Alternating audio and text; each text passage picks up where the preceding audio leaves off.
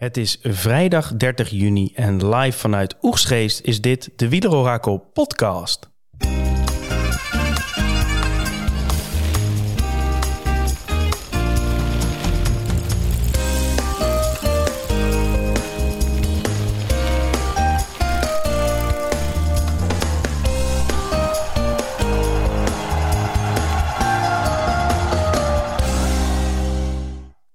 Man, man, man, wat heerlijk om dit te zeggen. We staan letterlijk aan de vooravond van de Tour de France.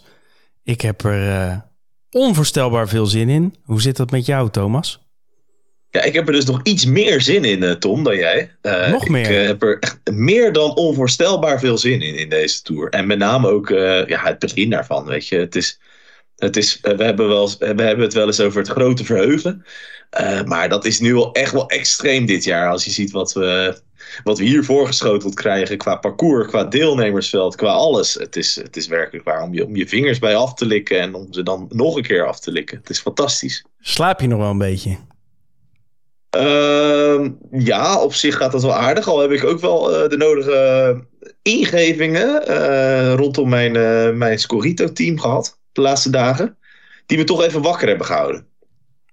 Dus ja, dat is wel. Uh, en dan vraag ja. ik natuurlijk van wat zijn nou jouw grootste overpeinzingen? Want we gaan in deze podcast, uh, dus misschien nog wel even goed om te zeggen, maar we gaan uh, weer dagelijks gaan we zo'n podcast maken. En dat is kort terugblikken op de dag van vandaag, maar niet te lang. En vooral vooruitkijken naar parcours, datavoorspelling en onze rubriek Stads versus Guts is weer terug. Um, ja. En dat is ditmaal voor, uh, voor etappe 1 gaan we naar kijken. Maar natuurlijk moeten we op deze vooravond nog wel eventjes de Scorito-dilemma's behandelen. Dus ja, wat, wat zijn nou jouw grootste wakkerhoudmomenten? Nou, mijn grootste wakkerhoudmomenten uh, gaat eigenlijk uh, één is Van de Poel. to Mathieu of not to Mathieu. Ja. Uh, vorige, vorige week ook gezegd in de podcast: hè, van ja, blijft hij erin, gaat hij eruit. Hij zal waarschijnlijk nog honderd keer heen en weer schieten. Nou, dat is gebeurd. ja. Maar ik denk dat ik, uh, dat ik de keuze heb gemaakt. Ik denk dat ik hem uh, niet in mijn team ga opnemen. Nee, en wat is dan de reden? Wat is de doorslaggevende factor? Doorslaggevende factor was dat Van de Poel wel goed is. Maar toch behoorlijk duur. Eigenlijk wat ik vorige week ook beschreef. 3,5 miljoen. En dat hij toch in de vlakke ritten gebonden is aan de, de kwaliteit van Philipsen. In de bergen denk ik dat hij net wat tekort komt om mee te spelen voor een overwinning. En dan blijven de heuvelritten over. En dat zijn er wel een aantal. Maar ik verwacht niet dat hij daar zijn punten helemaal waard gaat, maar, gaat worden. En ik heb daarvoor de, uh, daarom ervoor gekozen om hem te vervangen voor uh, Ala Philippe.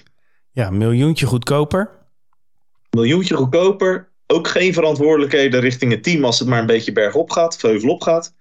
Uh, en net iets sterker in het klimwerk dan Van de Poel, denk ik. Uh, dus ja, daarom de keuze gemaakt voor, uh, voor Alaphilippe. En ja, als klap op de vuurpijl kon ik ook als voorzitter van de Bini Girmay fanclub...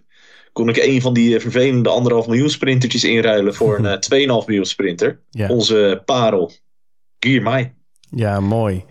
En ja. Um, ja, dit is misschien wel het grootste dilemma hè, van, van iedereen, van de pool of niet. Al uh, lees je natuurlijk ook dat uh, uh, Van Aert nog steeds een issue is. Hoe kijk je daarnaar? Uh, ja, daar kijk ik ook naar. Want Van de Aert is, van Aert is natuurlijk nog een stuk duurder dan Van de Poel. Vijf maar, miljoen, hè? Ja, vorige week ook aangegeven. Ik ben al even benieuwd naar zijn interviews. En wat mij enigszins geruststelde is dat hij wel aangaf... nou, mijn grootste kans op uh, ritzegers liggen in de massasprints. Dus daarmee eigenlijk zeggende, ik ga sprinten voor Jumbo. Ja. Ja, en die zekerheid dat hij die sprints gaat rijden... en je weet bij Van Aert, die is er in principe ook altijd bij als er gesprint wordt. Ja, dat, is wel, dat vond ik wel lekker. Dat zijn toch, hè, nou ja, uh, geboortes van kinderen daar gelaten zijn dat wel... in mijn ogen uh, vijf of zes massasprints die hij zeker gaat rijden. Ja. En ja, die zekerheid daar, die miste ik bij Van der Poel. Dus ik heb Van, de Aert, van Aert wel uh, gehandhaafd. Ja, en dan vind ik nog een belangrijke vraag. Hoeveel sprinters neem jij mee? Inclusief Van Aert. Inclusief Van Aert heb ik op dit moment zeven sprinters. Ja, daar is best wel wat discussie over. Hè? Of het nou een sprinttour is of niet. Die discussie hebben we ook gevoerd in onze podcast afgelopen ja. zondag. Ja, ja, nee, dat is... Ben je nog van mening veranderd? Of, uh... Nou, kijk, ik, volgens mij volgens mij zijn er acht, maximaal acht uh, sprints. Nou, dat worden er nooit acht in, uh, in de praktijk. Ja, hè? zes tot er zeven. Zijn ook, er zijn ook ritten bij dat het wat heuvelt. Uh, dat, nou, komt altijd een keer een ontsnapping in de laatste week misschien. Dus ik denk eigenlijk zes of zeven sprints die er gereden worden. Nou, weet je, worst case zijn het er vijf. Dan nog vind ik, als je dan sprinter hebt, weet je in principe wel dat hij gegarandeerd top 20 rijdt. Tenminste, dat hoop je. Kijk, ik dacht ook, ja, dan kan ik zes sprints nemen, dan ga ik een aanvaller nemen. Maar ja, weet je, wanneer gaat die dan in de punten rijden? Zo zag ik er ook een beetje naar te kijken. Dus ik heb die zeven sprinters uh, gehandhaafd. Ja, en um, uh, daar, daarin zitten dus uh, Girmay. nou, we hoeven ze niet allemaal bloot te leggen natuurlijk. Maar het laatste wat ik nog van jou wil weten, er is een in het budget sprintergehalte is niet zo heel veel. Um, nee. Op het laatst zijn nog toegevoegd uh, ene Corbin Strong en een Luca Mozzato. Allebei 1 miljoen mannetjes. Ja, ja. Wat uh, is jouw visie daarop, op die twee? Twee uh, renners die niet alleen kunnen sprinten, maar ook wel redelijk sterk zijn als het iets meer, iets meer omhoog gaat, iets meer heuvel op. dus prima keuzes om erbij te nemen. Um, bij Strong heb ik iets meer het idee dat hij, uh, dat hij zich nog niet helemaal bewezen heeft in ook die uh, massasprints. Mozzato, vorig jaar de Tour, zat hier natuurlijk een aantal keer goed bij. Hè? Dat weet ja. jij nog, uh, kan ik me zo voorstellen. Pareltje was het toen, hè? Was ja. hij 500 of 57? Ik weet niet meer. Maar in ieder geval ging hij goed in de punten. Precies, dus op basis daarvan heeft hij voor mij de voorkeur gegeven, gekregen boven Strong. Al is Strong wel een talentje. Hè? Die heeft bijvoorbeeld in in de Tour of Britain heeft hij een paar keer gewoon echt goed meegesprint. Ook tegen gevestigde namen daar. Uh, dus die kan wel wat. Maar dat was wel echt, echt heuvelparcours, zeg maar. En ik ben benieuwd of in het Circus der Tour... of hij daar uh, niet misschien nog even een jaartje moet rijpen. Wat ervaring moet uh, opdoen. Ja, snap ik.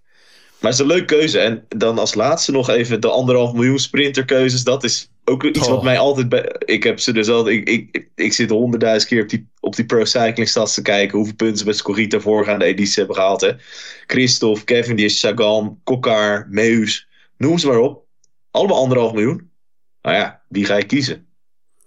Dat is een, uh, een goede vraag. Ja, het zal elkaar niet zo heel veel ontlopen. Maar dan kies je... Uh, of in ieder geval, ik ga dan kiezen voor toch de kerels die ook een beetje een heuvel over kunnen. En dan valt ja. zo'n Cavendish valt dan vrij snel af.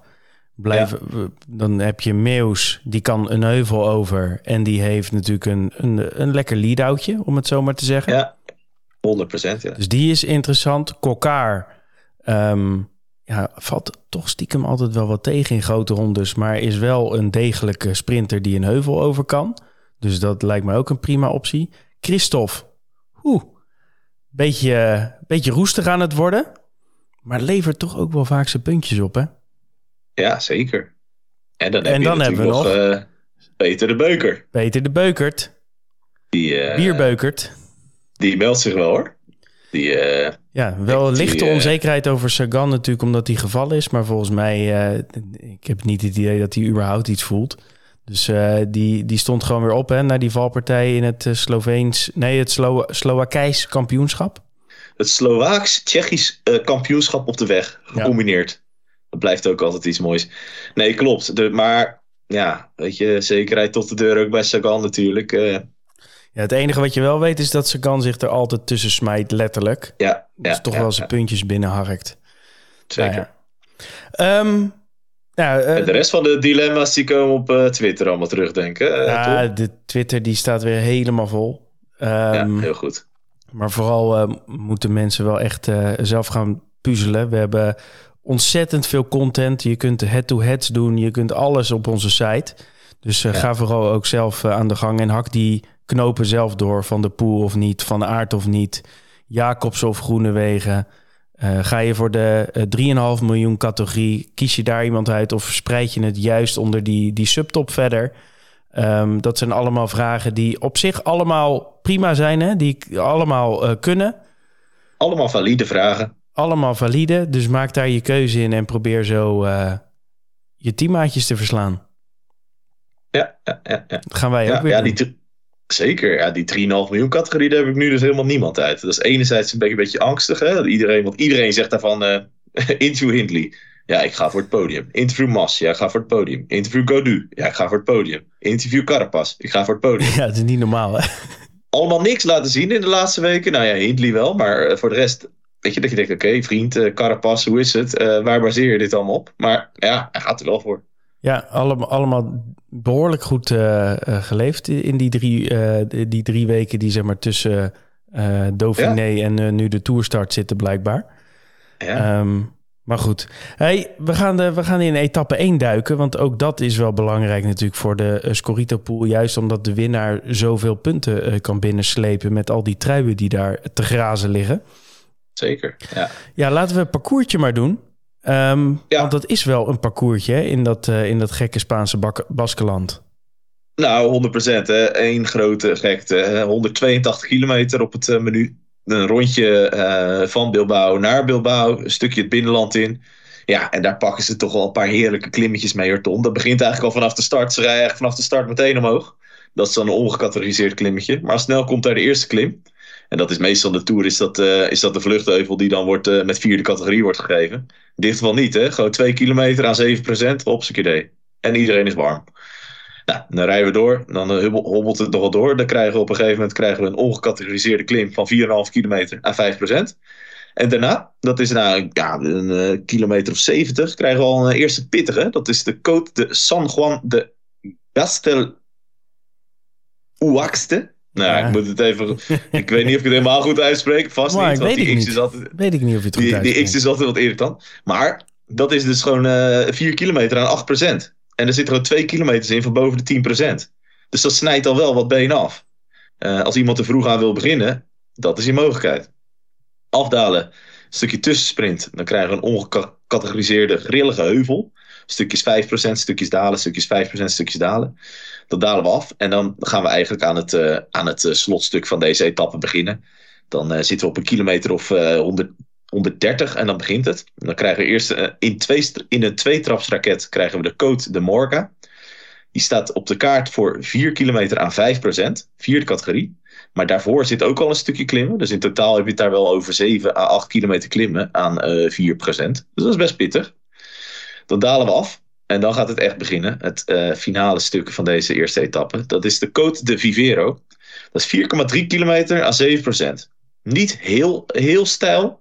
Maar wel pittig. Als je kijkt naar het profiel, dan zie je dat het aan de, de, de eerste kilometer is pittig. Dat is toch uh, 8,5%. Er zit ook een, eh, een, stuk van boven de 9 bij.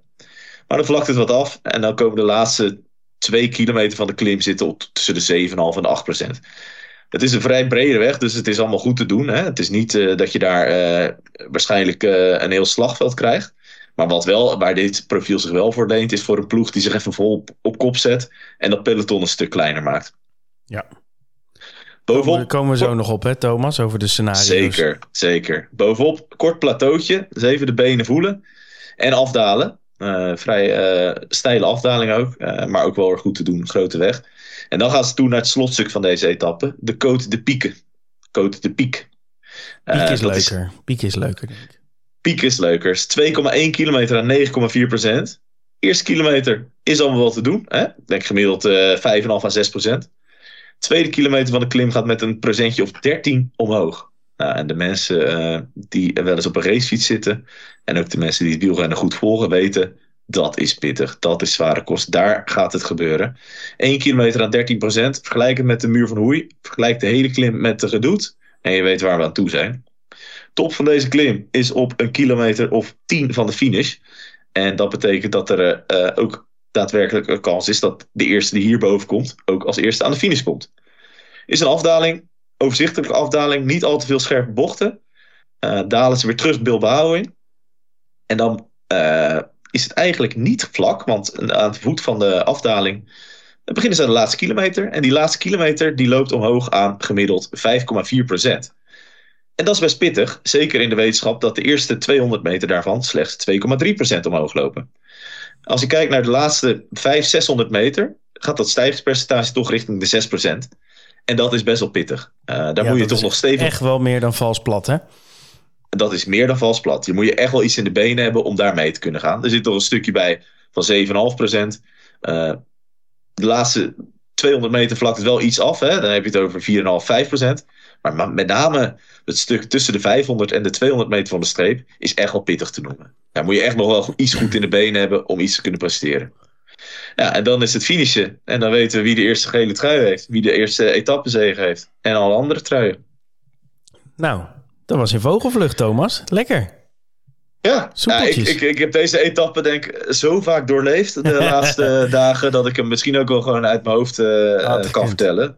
Uh, ja, maar ik heb toch even naar het profiel gekeken. Maar het is een, een etappe waarin uh, best wel wat hoogtemeters zitten. Ook gewoon ook gewoon aan de voorkant. Hè. Het zijn niet alleen die laatste twee klimmetjes. Het zijn totaal meer 3200 hoogtemeters. En dat is wel echt pittig. Dat is ook veel.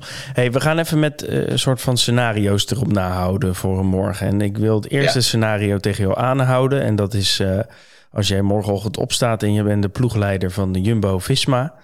En je stapt de bus in, je klapt je laptop open, je doet een display op het, op het scherm. En wat ga je dan vertellen? Wat is nou de beste tactiek voor Jumbo-Visma om nou, enerzijds deze rit te winnen, wat ze toch wel willen, neem ik aan, en anderzijds wellicht tijd te pakken op Pogacar? Ja, nou, de rit winnen uh, is denk ik op twee manieren mogelijk voor Jumbo. Ik denk dat het mogelijk is in een sprint met Van Aert, hè, ja. als hij erbij blijft.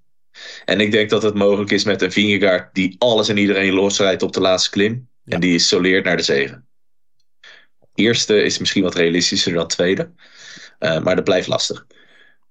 Als ploegleider van Jumbo denk ik dat het goed is om gebruik te gaan maken van de, uh, van de kracht in de breedte van de ploeg. Ze hebben met, uh, met een Van Baarle, maar ook met een Benoot, hebben ze renners die echt in staat zijn om het hele peloton pijn te doen. Op de eerste. Laporte. Laporte op de eerste heuvels, hè, op, op de wat grilligere stroken in het Baskeland.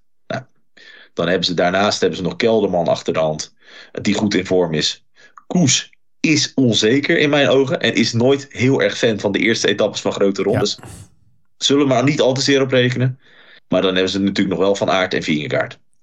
En ik denk dat uh, als Jumbo zijnde dat er veel aan gelegen is om het tempo uh, heel hoog te uh, leggen op de Vivero om te kijken eh, wat gebeurt er. Hè? Dus misschien wat sterker, uh, weet je, misschien de zelfs wel sprinters. De, misschien zelfs wel de Morga, of niet?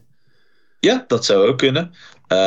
Dat ligt er een beetje aan. Ik, kan moeilijk, ik denk niet, hij is niet enorm lastig, die klim, maar het kan wel een moment zijn om het heft in handen te nemen. En te laten zien, joh, wij zitten, zijn hier met de sterkste ploeg aanwezig. En wij gaan eens even kijken hoe de, hoe, hè, hoe de Pogacars van deze wereld er echt naartoe zijn. Ja. Uh, daar Zoals... leent de Vivero zich ook behoorlijk goed voor. Dat is een, ja, een klim die redelijk gelijkmatig is. En die toch geen, geen percentage van ruim boven de 10% heeft. Ja. Nee, maar dat. En dan sla je in die zin een soort van twee vliegen in één klap. Want je uh, scenario 1, namelijk met Van Aert de sprint winnen, dat is ook het beste scenario. Want die is op zich gebaat bij een stevig tempo, maar niet uh, met allerlei uh, aanvallen à la Van de Poel. Nee. En twee, um, ja, je bent ook de boel aan het uitknijpen. Dus als Pogacar misschien iets minder is, dan uh, kun je daar ook op anticiperen.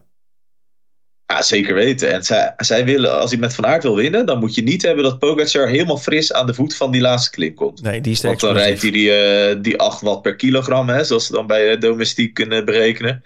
Ja, dan is het heel moeilijk om voor Van Aert om daarbij te blijven. Maar bij een harde wedstrijd, en als Van Aert echt goed is, en ik begin steeds meer te geloven dat hij wel echt goed aan het raken is. Uh, dan is het natuurlijk een harde koers uh, in zijn voordeel. Ja. En dan is een strak, strak tempo op de pieken.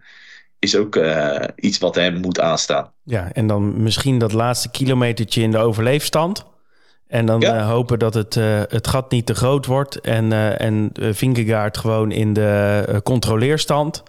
En op die manier ja. met een select groepje die laatste 10 kilometer in kijken wie eraan hangt tempo beuken en ja. afsprinten. Ja, of, en dat is even afhankelijk. Kijk, Vingegaard heeft natuurlijk wel enorme vorm laten zien hè, in, de, in de Dauphiné. En uh, volgens mij gaat het op in 10 ging het ook wel lekker. Uh, ja, als hij zich echt heel goed voelt, kan ja, weet je, waarom die, waarom die proberen? Ja, heb en, je nog twee scenario's? Of twee, Zeker. ja, dan heb je gewoon twee kansen. Want dan of Van Aert stel, stel, stel Pogacar gaat mee of iemand gaat mee. Nou, je bent boven, je kijkt achter je, ziet Van Aert, die zit op 10, 15 seconden. Nou ja, uh, dan, even, dan ga je niet overnemen als Vingegaard zijnde. Nee. Dus dat zou ook nog kunnen. Hè? Dat is, want als hij natuurlijk Pogacar... Stel, je wil hem echt pijn doen. Je wil hem echt al kijken of hij goed is. En hij blijkt niet helemaal goed te zijn. Dan moet Vingegaard natuurlijk zelf dit doen. Precies. En zo komen we eigenlijk gewoon op de enige juiste tactiek volgens mij voor, voor Jumbo morgen en die we ook gaan zien. Ze zijn natuurlijk ook best wel van, uh, oké, kijk ons, wij zijn de, de titelhouder, wij zijn de ploeg die het, uh, die het moet doen. Ja. Ja. Um, komen we nog wel even één stapje daarvoor. Is wie neemt überhaupt zeg maar, de controle in het, uh, in het spel? Want er gaat natuurlijk, hoe dan ook, gaat er een vluchtgroep lopen. Of denk je dat, dat het gewoon het compact blijft? Nou, ik denk wel vluchtgroep. Want de bergtrui staat natuurlijk ook op het spel. Hè? Uh, ik denk dat, dat Jumbo een mannetje bijzet en dat UAE een mannetje bijzet. Een soort van gentleman's agreement tussen echt wel de twee grote tenoren. Ja, we hoeven nog genees. Ik denk dat, weet je, Van Hooydonk en een uh, Stakenlange of Bjerg ja, die kunnen het prima eh, controleren. Eh, denk ik. Uh, het is ook even de vraag wie je laat wegrijden. Ik zou niet iedereen weg laten rijden. Precies. En dan wil ik nog even één scenario met, met je doornemen voordat we naar de voorspelling gaan. Is scenario Mathieu van der Poel, meneer Roodhoofd. Ja. Wat, wat gaat Van der Poel doen? Hoe, wat, hoe, hoe kan hij zijn winstkansen vergroten? wat ik denk, uh, is dat Van de Poel zijn winstkans kan vergroten als hij er gewoon ja, echt op tijd aan begint. En nou ja, de, de met de moeilijke naam die ik noemde, die is misschien nog wel erg ver weg. Hè? Die ligt op 115 kilometer van de streep. Uh, maar ik denk wel dat Van der Poel zeker op die Morga al ligt al iets moet proberen. Want die Vivero is een klim, dat is 4,5 kilometer aan 7%. Dat ligt Van der Poel eigenlijk helemaal niet. Dus al te lang eigenlijk, hè? het is te lang en dan komt hij vaak eh, komt hij toch wat in de knoei met, ze, met dat hij net wat zwaarder is dan die, die andere gasten. Dit is een, die, die, die Vivero ligt van aard bijvoorbeeld veel beter dan Van de Poel. Ja. Uh, maar goed, weet je, Van der Poel moet ook niet wachten tot aan die, uh, tot aan die laatste heuvel, denk ik. Of hij moet denken, oh, ik heb echt wel goede, echt wel power in die benen. Ik gok het er gewoon op dat het allemaal samen blijft. Ja. Maar ja, hij, hij kan natuurlijk ook kijken naar het koersverloop. Hè. Als hij ziet dat uh, Jumbo uh, heel strak het initiatief in handen neemt. Ja, dan zou hij ook gek zijn om op, een, op 80 kilometer van streep te gaan ontsnappen. Ja, dan gaat hij gewoon ook in de overleefstand hopen dat hij die piek overleeft en aan kan ja. sluiten en dan gek doen. Ja, want weet je, het is leuk natuurlijk zo'n Baloise Belgium Tour. Dat je van Durbuy naar Durbuy, dat je daar wegrijdt en die voorsprong vasthoudt. Maar dat is wat anders dan Bilbao, Bilbao met dit peloton. Hè? Want het is echt een sterk peloton. En er zijn gewoon een aantal, alle ploegen zijn fris. Dus weet je, hij moet ook niet, hij moet wel, hij moet niet in zijn eentje uh, zo solo denken te kunnen rijden. Want dat gaat hem nooit lukken. Gaat hem niet lukken. Maar als hij een groepje meekrijgt met, uh, met drie, vier Basken, misschien Ale Philippe en nog een Ineos mannetje die erbij is. Ja, dan, dat verandert al de zaak. Zeker, want ook uh, Ineos, Bahrein en dat soort ploegen die zullen wel ja, zin hebben in zo'n in zo'n trui of meer truien. Hey, um, Zeker. Het weer um, ja. hebben we natuurlijk ook weer. Hè? Uh, niet heel spannend. Het is 24 graden morgen, bewolkt. dus op zich prima. wind, mm, ongeveer windkracht 2, 3. begreep wel dat die zeg maar, in de finale een beetje tegen staat. Wat natuurlijk weer gunstig is voor de achtervolgers. En niet per se ja. voor de, voor de solo-rijder. Dus dat kunnen we nog wel een beetje in het achterhoofd houden. Uh, gaan we even naar de voorspelling van etappe 1 volgens de computer. voordat wij overgaan naar de Stads versus Guts. Degene die wij zelf denken dat er gaat winnen. Op 10 staat in de voorspelling van de computer staat Tom Pitcock. op 9 Alaphilippe. Op 8 Bardet. Op 7 Mohoric. Op 6 Skjelmoze. Op 5 Adam Yates. 4 Van der Poel. 3 Vingegaard. 2 Van Aert. En 1 met best wel een fors verschil. Want het verschil tussen uh, Pogacar, de nummer 1, is 34,5% kans om te winnen. En Van Aert zit op 16,7%. Dus dat is echt wel fors. Um, ja, Pogacar volgens de computer.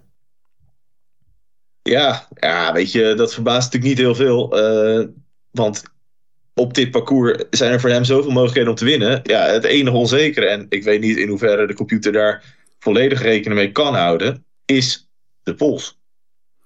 Ja, niet. Daar kan hij geen rekening mee houden. Nee, maar hij, hij, houdt volgens mij wel rekening als hij bijvoorbeeld een, uh, een half jaar niet hebt gereden, dat je dan geen vormpunten hebt, zeg maar. Dus dat soort dingen. Dus hij houdt er wel iets rekening mee, volgens mij. Maar dat is natuurlijk de grote vraag. Hè? Kijk, als hij dat niet zou hebben, dan zou hij denk ik in een sprint, uh, bijvoorbeeld tegen Vingegaard, zou hij denk Vingegaard er uh, 9 van de 10 keer opleggen. Ja. Bij dit, deze finish. En ik denk ook niet dat hij zou lossen op die, op die klim van die piek. Nee. nee maar ja, je weet, hij heeft natuurlijk niks gereden. Zeg, ja, weet je, Sloveens kampioenschap. Maar niks echt competitie, zeg maar. Dus dat, dat blijft toch een beetje vraagteken. Beetje vraagteken, maar volgens mij is uh, Pogacar, zeg maar, in, uh, in goede doen, is hier wel de topfavoriet. Um, wel, ja. En dan gaan we ook gelijk naar Stads versus Gats, want we vullen dan voor de computer in 1 Pogacar, 2 Van Aert en 3 Vingegaard. En ja. wat wij dus doen, is dat we de puntentelling bijhouden. Als je de winnaar goed voorspelt, krijg je drie punten. Als je het podium op de goede plek voorspelt, krijg je twee punten. Dus als je de nummer twee goed hebt, uh, die daadwerkelijk ja. nummer twee wordt, krijg je twee punten. En als je het podium goed hebt, dan krijg je één punt. Dus als je zegt dat ja. de nummer één, uh, je voorspelt de nummer één en uh, die wordt derde, dan krijg je dus één punt. Ja. Dus ik ben okay. natuurlijk heel benieuwd, wat is jouw podium voor etappe 1? Ja, nou, het is wel goed. Wij vullen dit natuurlijk onafhankelijk in van dat we die computervoorspelling zien. Ja toch is hij wel bij mij wel redelijk gelijkend. Ik heb Pogacar op 1. Ik heb Van Aert ook op 2. En op de derde plaats heb ik uh, het Franse troetelkind uh, Alaphilippe gezet. Uh, ik denk dat, dat hij toch altijd iets extra's kan brengen. hij leek goed in, de vorm, in, in, vorm in de Dauphiné. Hij is rap. Dus ja, een podiumplekje heeft hij van mij gekregen. Mooi. Ik weet nog niet precies hoe het, hoe het gaat uitpakken. Maar dat Van Aert blijkbaar dan de sprint van Pogacar verliest in mijn voorspelling. Uh, maar dat zou in mijn ogen ook niet eens heel gek zijn, zeg maar. Omdat het best echt wel een pittige aankomst is. Ja. Pogacar kan dit echt wel. En heel explosief is. Ja, Pogacar is gewoon, uh, zelfs als ze met een groepje gaan... Uh, waarvan Aert, Van der Poel en dergelijke bij zitten... is die ook nog heel, heel link. Zeker op deze aankomst inderdaad. Zeker. Ja, hey, en jij dan? Ja, mijn voorspelling is dus inderdaad ook wel Pogacar op één, toch? Ja. Um, ze doen een beetje. Uh, ja, ze doen wel heel voorzichtig met hem. Hè? Ook in de, in de interviews. En ja, Yates, ja, mede kopman, bla bla bla bla. Ja, ik denk dat hij gewoon. Uh, je ziet het al op, die, op dat Sloveens kampioenschap. Dat hij gewoon wel echt serieus in orde is. Uh, ik, ik hou wel een beetje mijn hart vast, überhaupt met valpartijen, moet ik zeggen, morgen. Um, ja, het wordt, het wordt morgen wel echt, uh, echt chaos. Ik hoop ook dat echt dat het droog blijft. Volgens mij hoorde ik jou dat wel zeggen. Ja, dus heel uh, af en toe kan er wat neerslag zijn, maar het gaat niet gieten of zo. Nee, maar een eerste etappe in de Tour is altijd, altijd een gekhuis. En nu ook, hè, er zijn zoveel ploegen die hun kopman vooraan willen houden. Weet je, Bardet moet vooraan, Pitcock moet vooraan, Woods moet vooraan. weet je, Godu moet vooraan, iedereen moet vooraan. Ja, en, ja, en dat, dat, kan niet. Dat past niet. Er is niks zo erg natuurlijk als in zo'n eerste etappe dan uh, horen valpartij en dan een van de gasten die jij in je team hebt zitten. dus Juist, ik hoop, ja, ik hoop ja. in principe gewoon op, uh, op geen, want ik gun het zelfs al uh, anderen niet. Gewoon geen valpartijen en lekker open, nee. mooie koers. Maar twee, ja, je verwacht het niet van mij, maar ik heb Pitcock heb ik als, als nummer twee staan. Ja, Pitcock die is die spreekt toch, die is een van de weinigen die zich wat uh, nou, redelijk expliciet uitgesproken heeft. Ja, die spreekt zich redelijk uit. Die wil een betere tour rijden dan vorig jaar. Die wil meedoen. Uh, toch wel, hij wil vooral kijken waar die komt in het klassement. En ja. um, Pitcock spreekt zich niet zo heel vaak uit. En uh, als hij zijn zinnen ergens op zet, dan, dan, ja, dan is het vaak raak. Kijk maar naar de mountainbike of straden of waar dan ook. Dus ik, ja. ik verwacht wel uh, Pitcock echt wel bij de eerste. Ook in heel veel scenario's. Want die kan natuurlijk nog beter dan Van Aert en Van der Poel wel dat steile klimwerk aan. Ja, ja. Hey, en derde is voor mij thuisrijder. Uh, ja, en het alleen al voor de, voor het mooie, voor de mooie kop uh, in de krant. Bilbao. Ja, ja mooi. Ja, leuk, ja. Baske sowieso opletten, denk ik. Hè. Dit, uh, deze, deze etappes, de eerste twee. Landa, Bilbao, Isagire. Aramburu, ook niet te vergeten. Misschien? Isagire, ja, Isagire heeft ook een, een, hele goede afdaling in huis. En die, weet je, die gasten die kennen deze wegen. Hè? Dus het zou kunnen dat er daar wat uh, eerste uh, schoten worden gelost door wat Basken op die Vivero of zo. Ja, uh, dat zou me niks verbazen. ja, en daar moet... Ik denk dat Van der Poel moet even zijn baskies gaan trainen vanavond. En die moet even wat afspraakjes maken met dat soort gasten. En als die een leuk groepje inderdaad heeft met zo'n Isagire en Bilbao en dat soort uh, lui... Dat is misschien wel zijn grootste kans. Ja, Bilbao is ook nog een soort rap. Hè? En Bilbao kan ook lekker dalen. Die volgens mij Tour of die Elfs vorig jaar won die een etappe met een klimmetje dan afdaling daarna. Uh, zeker rekening mee houden. En die heeft ook echt zijn zinnen gezet op dit openingsweekend. Dus uh, ja, dat vind ik... Uh, voor dit keer vind ik dat geen gekke gok voor jou, uh, Tom. Voor dit keer. Vorig jaar waren we toch exact gelijk geëindigd, of niet? Nou, dat moeten we misschien even nazoeken. Maar ik oh. dacht dat ik op de laatste dag had gewonnen. Omdat toen Philipsen won, dacht ik. Oh, maar... dat zou kunnen. Maar in ieder geval, het was een close call. We hadden wel de Het was heel close call, ja. Ja, ja, ja. Maar de computer wordt ook sterker, hè? Zo is het. hey, um, half uurtje. Uh, in principe gaan we de, de dagelijkse etappes gaan we proberen uh, tussen de 20 en de 30 minuten te houden dat moet ook wel lukken. Maar nu hadden is dat een beetje gelukt? Want uh, we zitten niet bij elkaar natuurlijk. Uh, dat heb je nog helemaal niet gezegd eigenlijk. Nee, en ook de mensen hebben dat helemaal niet gehoord. Hebben ze dat niet door? Ik ben benieuwd. weet ik niet. Geef maar, maar aan of je het door hebt of niet. Ja, een half, half uurtje is die, is die nu op. Dus dat is volgens mij hartstikke mooi. Hey, ja. Um, ja jij zit ergens rondom Huis ter Duin volgens mij. Ja, ik, ik, ik, zou je zeggen, ik zit op de negende verdieping van Huis ter Duin. Oh, letterlijk. En ik kijk, ja, en ik kijk echt zo uit over de, over de zee. Ik heb uh, een zeezichtkamer, joh. Dus, nou, je ziet het een beetje, denk ik. Maar als je aan die, die kant van mij kijkt, dan zie je daar uh, de zee. Dat is mooi. mooi. Nou ja, um, ik heb er echt ongelooflijk veel zin in morgen. Ik ben ook wel blij ja. als de deadline van het poeltje klaar is. Dan kan uh, de rust wederkeren in het hoofd. Ja, ja. Ga je en, nog veel schuiven? Nou, Misschien een beetje. Nee, ik, de dilemma's die we net behandelden, die hebben wij natuurlijk net zo goed. Ja, uh, van de pool ja of nee, van aard ja of nee. Um, ja. ja, vooral, vooral van de pool die spookt uh, door het hoofd. Maar het enige wat ik wel... Mijn tactiek bij spelletjes is vaak ook... Um, kijk, als Van de Poel wint, ben ik sowieso blij. Vind ik sowieso leuk. Dus het, dat maakt het op zich ook weer wat minder erg als die dan niet in mijn team zit. Ja, dat is die hedge, zeg maar, waar ik het over had. Ja, kijk, Van de Poel is uh, gewoon altijd goed. Dus uh, oké, okay, dan heb ik hem niet in mijn team. Jammer dan. Uh, maar als die geel pakt en een mooie rit neerzet... dan ben ik alsnog, kan ik daarvan genieten. En dat is ja. natuurlijk met, met de Pitcocks en uh, Ale Philips van, van deze wereld... is dat toch een ander verhaal. Ja, ik merk dat je nu Pitcock weer wat, wat vervelender uitspreekt, zeg maar. Ja, maar hij, het is ook natuurlijk gewoon een vervelend mannetje. Maar daarom heb ik hem in mijn team. Jij zou niet met hem op vakantie gaan. Jullie hebben wel ja, allebei een hondje. Je moet sowieso niet met Engels op vakantie gaan, Thomas. Want dat, dat nee? is één grote, één grote puinhoop. Oké, okay, nou dan weet ik dat ook weer. Nee. Oké. Okay. Nou, hey, break um, your right. Daarmee misschien wel. Enjoy morgen. Ja, en ik denk je. Jij ook. Ik denk, dat, ik denk dat we elkaar spreken morgenavond. Zeker. Gaan we Zeker. Even, even, kijken hoe we het er vanaf hebben gebracht. Hey, okay. uh, alle luisteraars, veel plezier. Maak er wat van. Hak die knopen door. Reviewtje geven op Spotify of Apple Podcast. Pluis lekker door onze content heen. Neem een pintje. En uh, geniet ervan, hè. Tot zover. Tot later.